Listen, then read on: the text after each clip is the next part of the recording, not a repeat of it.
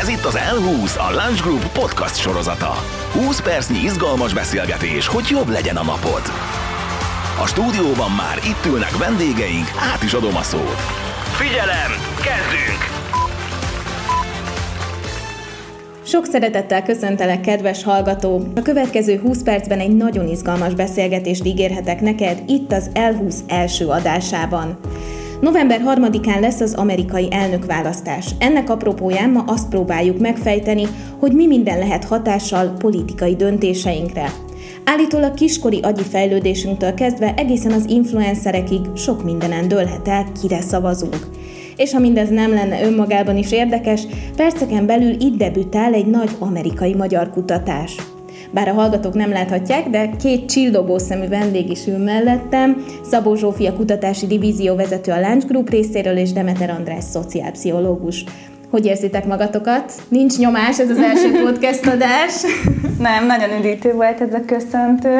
Üm, igazából izgulunk, most egy nagyon érdekes időszakban vagyunk. Na hát beszéljünk is erről, mert hogy amellett, hogy egy érdekes időszak van, hiszen amerikai elnökválasztás jön, amellett készült egy nagyon izgalmas, két országot átívelő kutatás a Lunch Group megbízásából, pont az amerikai elnökválasztás kapcsán.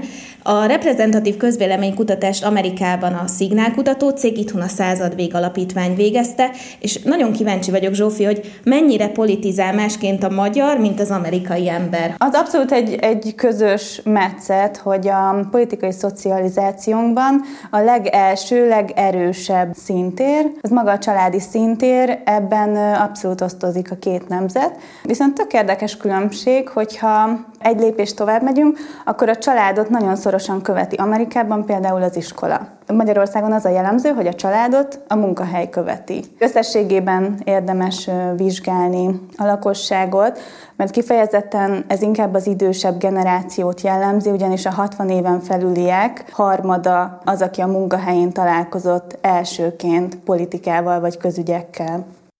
András, szociálpszichológusként neked mi a véleményed az első politikai élményről? Ez mennyire meghatározó egy ember számára, hogy mondjuk hol éri? Az, hogy hol éri az embert az első politikai élménye, ez szerintem egy eléggé személyes sztori, és nem olyan biztos, hogy olyan komoly hatással lesz azért a későbbi élményeire. Én azt tudom elmondani politikai szocializáció témakörében, amit így a szociálpszichológia vagy a politológia hozzá tud tenni ez a kérdéshez, hogy nyilván más a családi szocializáció, egészen egyértelmű, hogy rengeteg mindent otthonról hozunk. Politikai értelemben, politikai szocializáció tekintetében lehet, hogy otthon hallunk először valamilyen politikai témáról, és persze veszünk át e, rengeteg mindent otthonról, hatással van ránk, hogy hol növünk fel, mit hallunk otthon, de inkább egy ilyen közvetett módon van ránk ez hatással, nyilván a családi tőkén keresztül, de leginkább például azon keresztül, hogy milyen iskolába küldenek el minket, meddig tanítatnak, mert az például egy alaptétel, hogy minél iskolázottabb valaki, annál közelebbi a kapcsolata a politikával. Már születésünkkor eldől rengeteg minden, ez a lényeg. Mégpedig abban az értelemben, hogy ez a válasz, amit keresünk, ez inkább egy neurológiai válasz. Tehát az agyi struktúrák, az agyi funkciók, a, a neurológiai összeköttetések, válaszok, az idegpályák fejlődése és kialakulása, ami ugye már születésünk után valamilyen szinten adva van, az az, azt ami... mondod, hogy mondjuk egy egyéves gyereknél már elindul az, hogy ő majd demokrata lesz? Mondjuk egy amerikai gyerekről beszélünk? Igen, erősen hangozhat ez a mondat, de egyébként nagyjából ez, amit, amit most kijelentetünk. Persze ez még kutatások tárgyát képezi, tehát hogy rengeteg eredmény, viszonylag friss, viszonylag régebbi, de hogy ezek folyó kutatások. Ezt úgy kell körülbelül elképzelni, hogy adott ez a berendezés, akkor nevezzük így, hogy mondjuk így ámblok, vagy egyszerűen megfogalmazva az agyunk, és ahogy az idegpályáink működnek. Ebből pedig az következik, hogy más típusú érzelmi válaszokat fogunk adni, más típusú, más típusú lesz az észlelésünk, az észlelésünk és az érzékelésünk, más típusú kognitív funkciók fognak kialakulni későbbiekben. És ennek van egy ilyen közvetett hatása arra, hogy milyen típusú világnézettel tudunk majd azonosulni. Például az az ember, akinél ezek a struktúrák úgy alakulnak ki, hogy később nyitottabb lesz élményekre, befogadóbb lesz, keresni fogja az ingereket, kevésbé fog szorongani attól, hogy hogyan ítéli meg őt a társadalom, mm, vagy a kortársai akár. Úgy egyáltalán a szorongás háttérbe szorul nála. ott valószínűsíthető, hogy inkább egy liberális értékrendű emberről fogunk beszélni a későbbiekben. De ne idegesíts, te most leülnél egy kisgyereket, te meg tudnád mondani, hogy körülbelül majd 18 évesen hova szavaz? Hát én, mivel konkrétan így nem kutatom ezt a kérdést, vagy nem tudom, hogy képalkotó eljárásokra lenne szükség, hogy ugye ilyen agyi tevékenységeket tudjunk mérni, így nem. De szerintem annak jeleit láthatja akár egy, egy szülő is így fiatalkorban a, a saját gyerekénél, hogy például az érdekli a jobban, hogy mit gondolnak róla a társai, mennyire normakövető, mennyire szabálykövető, mennyire tekintélytisztelő. Múlhat azon is, hogy a család egyébként milyen környezetet biztosít, hogy ez mennyire fontos az adott családban, de ugye maga az akció-reakció az tetten érhető, hogy erre hogy reagál a gyerek. És nagyjából azt mondhatjuk, hogy akit kevésbé érdekel mondjuk az, hogy mit gondol róla a környezete, a normákat nem annyira szeretné követni, vagy a szabályokat egy lázadóbb típus, valószínű, nem biztos, csak valószínű, hogy inkább egy liberális értékrendet fog követni, aki meg ennek az ellenkezője, és, és tényleg a tekintély személyek közelségét keresi, ő maga is inkább egy ilyen hierarchikus világot szeret maga körül kialakítani, esetleg egy kicsit szorongóbb, nem minden kérdésben, csak bizonyos kérdésekben elképzelhető, hogy inkább egy konzervatív értékrendje lesz. Amiről most beszéltünk, az a gyermekkor, fiatalkor, és akkor most, ha megérkezünk a felnőtt korba, akkor a kutatásban én láttam egy nagyon izgalmas kulcsszót, ez a véleménybuborék volt. Zsófi, mi ez pontosan? Hogyan kell ezt elképzelnünk? Ki él véleménybuborékban? Igen, szerintem az az érdekes, hogy hogy milyen az oda vezető út, hogy esetleg valaki véleménybuborékba kerül, és mennyire találja meg a társadalomban a zsák a foltját, hogyha fogalmazhatunk így, hiszen az, hogyha valakinek van egy kialakult világnézete, az a szociális vonzalmára is hatással lehet, de javíts ki András, hogyha rosszul mondom. András bólogat. Igen, mert hogy, hogy talán ezt foglaltad össze, vagy számomra ez ütközik vissza a kutatási eredményeinkből is, hogy talán mondhatjuk azt, hogy a hozzánk hasonló emberek megerősíthetik a, a világnézetünket, vagy a döntéseinket. Mind az amerikai, mind a magyar lakosságban elmondható, hogy a politikailag aktívak egynegyede, vagyis 25 százaléka az, aki véleménybuborékban él. Mit tekintünk véleménybuboréknak? Azok a személyek élnek véleménybuborékban, akik saját bevallásuk alapján azonos politikai nézeteket vallanak a családtagjaikkal, a barátaikkal, a munkatársaikkal, valamint nagyon fontos, hogy a social média kapcsolataikkal egyaránt. Vajon észreveszi magát az, aki véleménybuborékban él? Vagy ez egy teljesen öntudatlan dolog, és észre sem vesszük? Ha erre így tudnám a választ, akkor, akkor nem tudom, már turnéznék a megoldással.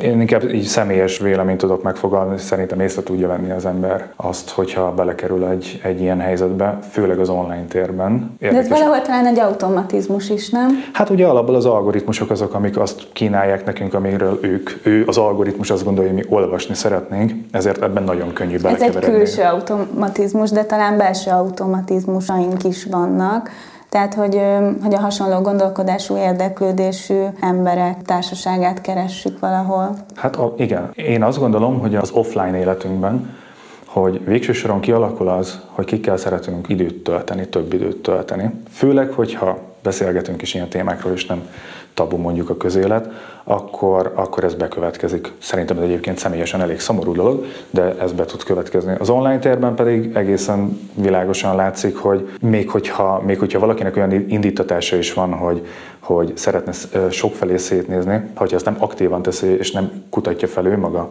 azokat az oldalakat, vagy azokat a csoportokat, ami valami egészen mással fogja őt megkínálni, hanem csak elindul úgy azon az úton, ami első körben a számára szimpatikus, az ő világnézetével egyező tartalmak, azokat lájkolja, olyan csoportokba lép be, akkor egy nagyon tiszta ösvényre fog rákerülni, ahol csak és kizárólag olyan tartalmakkal fog találkozni. Itt ugye arról van szó, ha jól értem, hogy az amerikai és a magyar társadalom egynegyede is homogén környezetben van, tehát mindig ugyanazt a véleményt hallja, ami a sajátja is politikai téren. Ez egyébként nem veszélyes? Igazából attól még a médiában találkozhat ellenvéleménnyel, tehát a mikrokörnyezetén kívül egyébként érhetik további olyan hatások, amik aztán a, a döntéseit is befolyásolják. Itt igazából a, a szűk, közvetlen mikrokörnyezet az, akit érthetünk ez alatt. Minél inkább különbözőbb a, mondjuk a Facebook ismerőseimnek a, a politikai nézete, vagy az értékrendje, annál hangosabban, annál szertágazóbban képviselem a saját gondolataimat és a saját meggyőződésemet a különböző kommentek és megosztások formájában. De ez csak a magyarokra igaz? Ez csak a magyarokra igaz, és az az igazság, hogy Amerikában meg pont az ellenkezője érvényes. Talán egy picit a politikai korrektség vagy az önmagunkat való moderálás az, ami különbözik, hiszen Amerikában meg pont az figyelhető meg a friss számaink alapján, hogy azok, akik véleménybuborékban élnek, azok picit halkabbak, és kevésbé állnak bele a social médiában olyan politikai kérdésekben, ami mondjuk szemben Magyarországgal ez itt jellemző. Ezekre a kommentháborúkra egyébként rá is akartam kérdezni, mert azért itt Magyarországon ez nagyon jellemző, bármelyik oldalról is beszélünk, de gyakran találkozunk vele.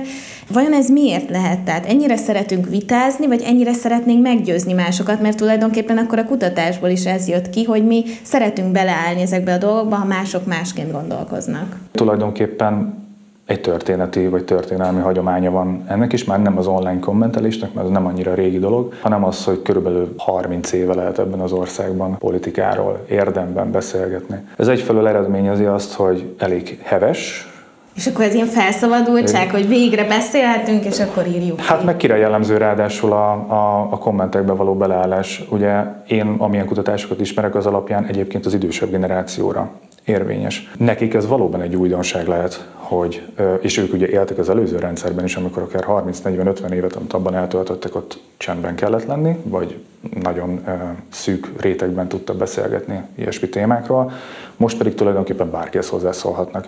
Meg hát az, hogy az online térben viszonylag tét nélkül lehet azért beleszállni a másikba, vagy, vagy ütköztetni az érveket. Ez is egy jellemző tényező, vagy egy fontos Érdekes, tényező. hogy ezt mondod, mert a Twitter pont most vezette be az elnökválasztás kapcsán a szabályozásait, és Trump elnök, valamint a fehérhez szóvivőjének a fiókját is egy kicsit kivonták a forgalomból, úgyhogy azt lehet mondani szerintem, hogy az online térben ez a típusú moderálás, vagy, vagy ez a kultúra is még keresi a helyét, úton van. Én nem tudom, mennyire élek véleménybuborékba, de az online térben most többször szembe jött velem az amerikai elnök választás kapcsán több tartalom, például Taylor Swift Joe Biden-es süteményt sütött, ami nagyon fontos hír. Joe Biden ugye Donald Trump ellenfele jelenleg ebben az elnökségért folytatott küzdelemben, de Lady Gaga például dalt írt azért, hogy minél többen elmenjenek szavazni. Tehát nagyon sok híresség, akik influencerként is jelen vannak Amerikában, beleálltak ebbe a dologba. Igen, egyébként Taylor Swift pont egy nagyon erős influencer, kifejezetten politikai kérdésekben is,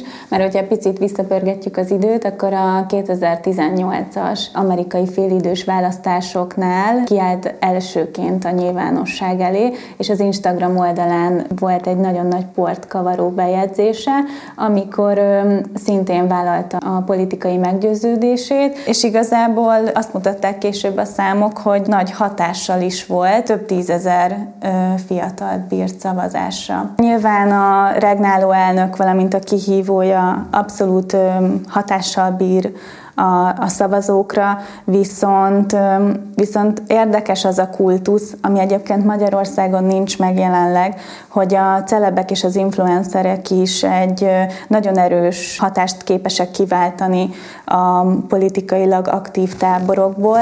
A kutatás esetleg kitért arra, hogy kik jelenleg a meghatározó influencerek, mondjuk akár az amerikai elnökválasztás kapcsán? Kanye West, Oprah, és az NBA sztár LeBron James neve is rengeteg említésben megjelent, de egyébként Taylor swift is találkoztunk. És voltak meglepő válaszok egyébként, mert azért ez egy nagyon nyitott kérdés, hogy szerinted ki influencer. Igen, hát nyilván itt is vannak egyéni preferenciák, de találkoztunk olyan említéssel, mint mondjuk Jennifer Lopez, vagy akár Isten. Hm, érdekes elgondolás. Isten, mint influencer. Igen. Nem rossz. Amerikában is egyébként a celebeket két csoportra bonthatjuk, akik arra buzdítanak, hogy menj el szavazni, és van az a csoport, aki pedig konkrétan egy adott elnökjelöltet támogat. Magyarországon is megmértük ezt a kérdést, de igazából látjuk, hogy még a mai napig nincs ennek relevanciája hazánkban, hiszen a magyar lakosság körülbelül fele nem tartja elfogadhatónak, hogyha egy híresség vagy egy influencer vállalja a politikai véleményét vagy hovatartozását. Ha már a vallásról vagy az egyházról beszélünk, egyébként az is látszik, hogy Amerikában a vallási vezetők is sokkal nagyobb influencerek, mint hazánkban. Egyébként miért van az, András, hogy, hogy ennyire hagyjuk magunkat befolyásolni? Miért alakulhatott ki, hogy vannak olyan emberek, akiket azért követünk, akár véleményükben is, akár egy politikai döntésükben is, mert mások is követik? Az usa az jellemző, hogy a meritokratikus uh, uh, hozzáállás vagy, vagy nézet az, az úgy, ha fogalmazok, hogy jelen van, tehát ez a lényeg. Tehát, hogyha ott valaki híres, elismert, sikeres, gazdag, akkor az nem olyan nagy probléma, sőt, akkor felnéznek arra az emberre. Ez szintén történeti okokból ez tök máshogy van nálunk, tehát úgy egy kicsit gyanús, hogyha valaki mondjuk sikeres, gazdag, és akkor meg különösen negatív megítélés alá kerülhet, hogyha mondjuk beáll valamelyik politikai párthoz. Aki ezt úgy, ahogy megtette, Magyarországon, ott szerintem elég könnyen belátható, hogy a másik oldalon azt tulajdonképpen levadázta. Beszéljünk akár kormánypárti, akár ugye az ellenzéki oldalon történt. És még akkor is, ha nem egy egyértelmű üzenetet adott. Tehát mit kellett a Quimbynek végig uh, magyarázkodni azért, mert játszott túlsványosan, ami egy zenei fesztivál is egyébként. Vagy hogy most ki mit gondol Ákosról, vagy Lovasiról, akinek amúgy is volt egy ilyen egész komoly zenei ellentéte is, és akkor már meg körülbelül úgy beszélünk, hogy az egyik a nagy fideszes megmondó ember, a másik pedig a nagy ellenzéki megmondó ember, pedig ez valószínűleg azért távol áll a, a valóságtól. Biztos, hogy több, több generációnyi idő kell szerintem ahhoz, hogy Magyarországon ez ilyen megemészhető dolog legyen. Annyira közel volt szerintem az előző rendszer, mármint itt a 89-90-es rendszerváltás előtti állampárti rendszerre gondolok, hogy még nem elfogadott az, hogy valaki egy az egyben magára tetoválja, a homlokára kiírja, hogy ezért a pártért kampányolok. Van egy úgynevezett utánfutó hatás, ami azt jelenti, hogy ha mindenki rászavaz, akkor én is rászavazok.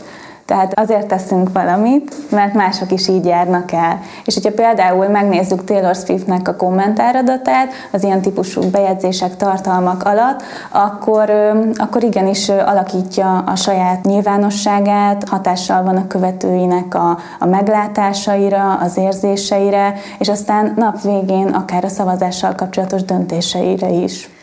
Igazából Kánya is megette az egrest, és, és mégsem zsibbadt tőle Kim Kardashian foga.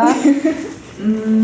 Ez mit jelent pontosan, Zsófi, mert ezt nem is Itt képletesen igazából csak azt szeret, arra szeretnék rávilágítani, hogy attól, hogy mondjuk egy celebházas pár egyik tagja elkezdett aktívan politizálni, attól még nem kövezik meg érte a feleségét. Hailey Bieber is um, Biden mellett kampányol, míg az édesapja ezzel szemben Trumpot támogatja. Tehát, hogy attól még egy család nyilván nyilván ezzel kapcsolatban meg tudnak békélni egymással. Hát, Kim Kardashianék most vannak vállófélben, nem? De... Tényleg? Hát, ugye, tehát amikor a férfiak, a férfiak rákérdeznek a plegykákat, tényleg? Hát, igen, izgalmas. Lemaradtam. Ez nem Amerika, ez kiderült a kutatásokból, vagy ebből a kutatásból, amit én is megismerhettem most, nektek köszönhetően. Ugyan a nyugati civilizációhoz tartozik mindkét ország, de hát történelmi adottságok miatt szerintem elég komoly eltérések vannak abban, hogy a politikával ugye hol találkoznak első sorban az emberek, illetve egyáltalán mennyire tudnak erről a családon belül beszélgetni, mennyire tudnak a munkahelyen erről beszélgetni, mennyire vállalhatja fel valaki, akár magánemberként, akár ismert emberként, hogy milyen a világnézete, vagy ha a világnézetét fel is vállalhatja, de mondjuk konkrétan egy párt mögé beállni, szóval hogy ennek még egészen más íze van közép-kelet-európában, mint az USA-ban, és ez szerintem egy nagy tanulság. De most átbeszéltek vele azt, hogy ki fogja nyerni az amerikai elnökválasztást, még nem tudjuk, nem is ez volt a cél, de politikai döntéseink okait elkezdhetjük szerintem tudatosabban vizsgálni. Például te, aki most ezt a podcastet hallgatod, kit tartasz életedben véleményvezérnek, és te vajon kinek lehetsz a véleményvezére? Következő adásunk egyik vendége egyenesen Amerikából fog bejelentkezni, mert maradunk még az elnökválasztás aktuális témájánál. Köszönöm Szabó Zsófiának és Demeter Andrásnak a gondolatébresztő beszélgetést, és persze neked is köszönet, kedves hallgató, hogy itt voltál. Tarts velünk legközelebb is!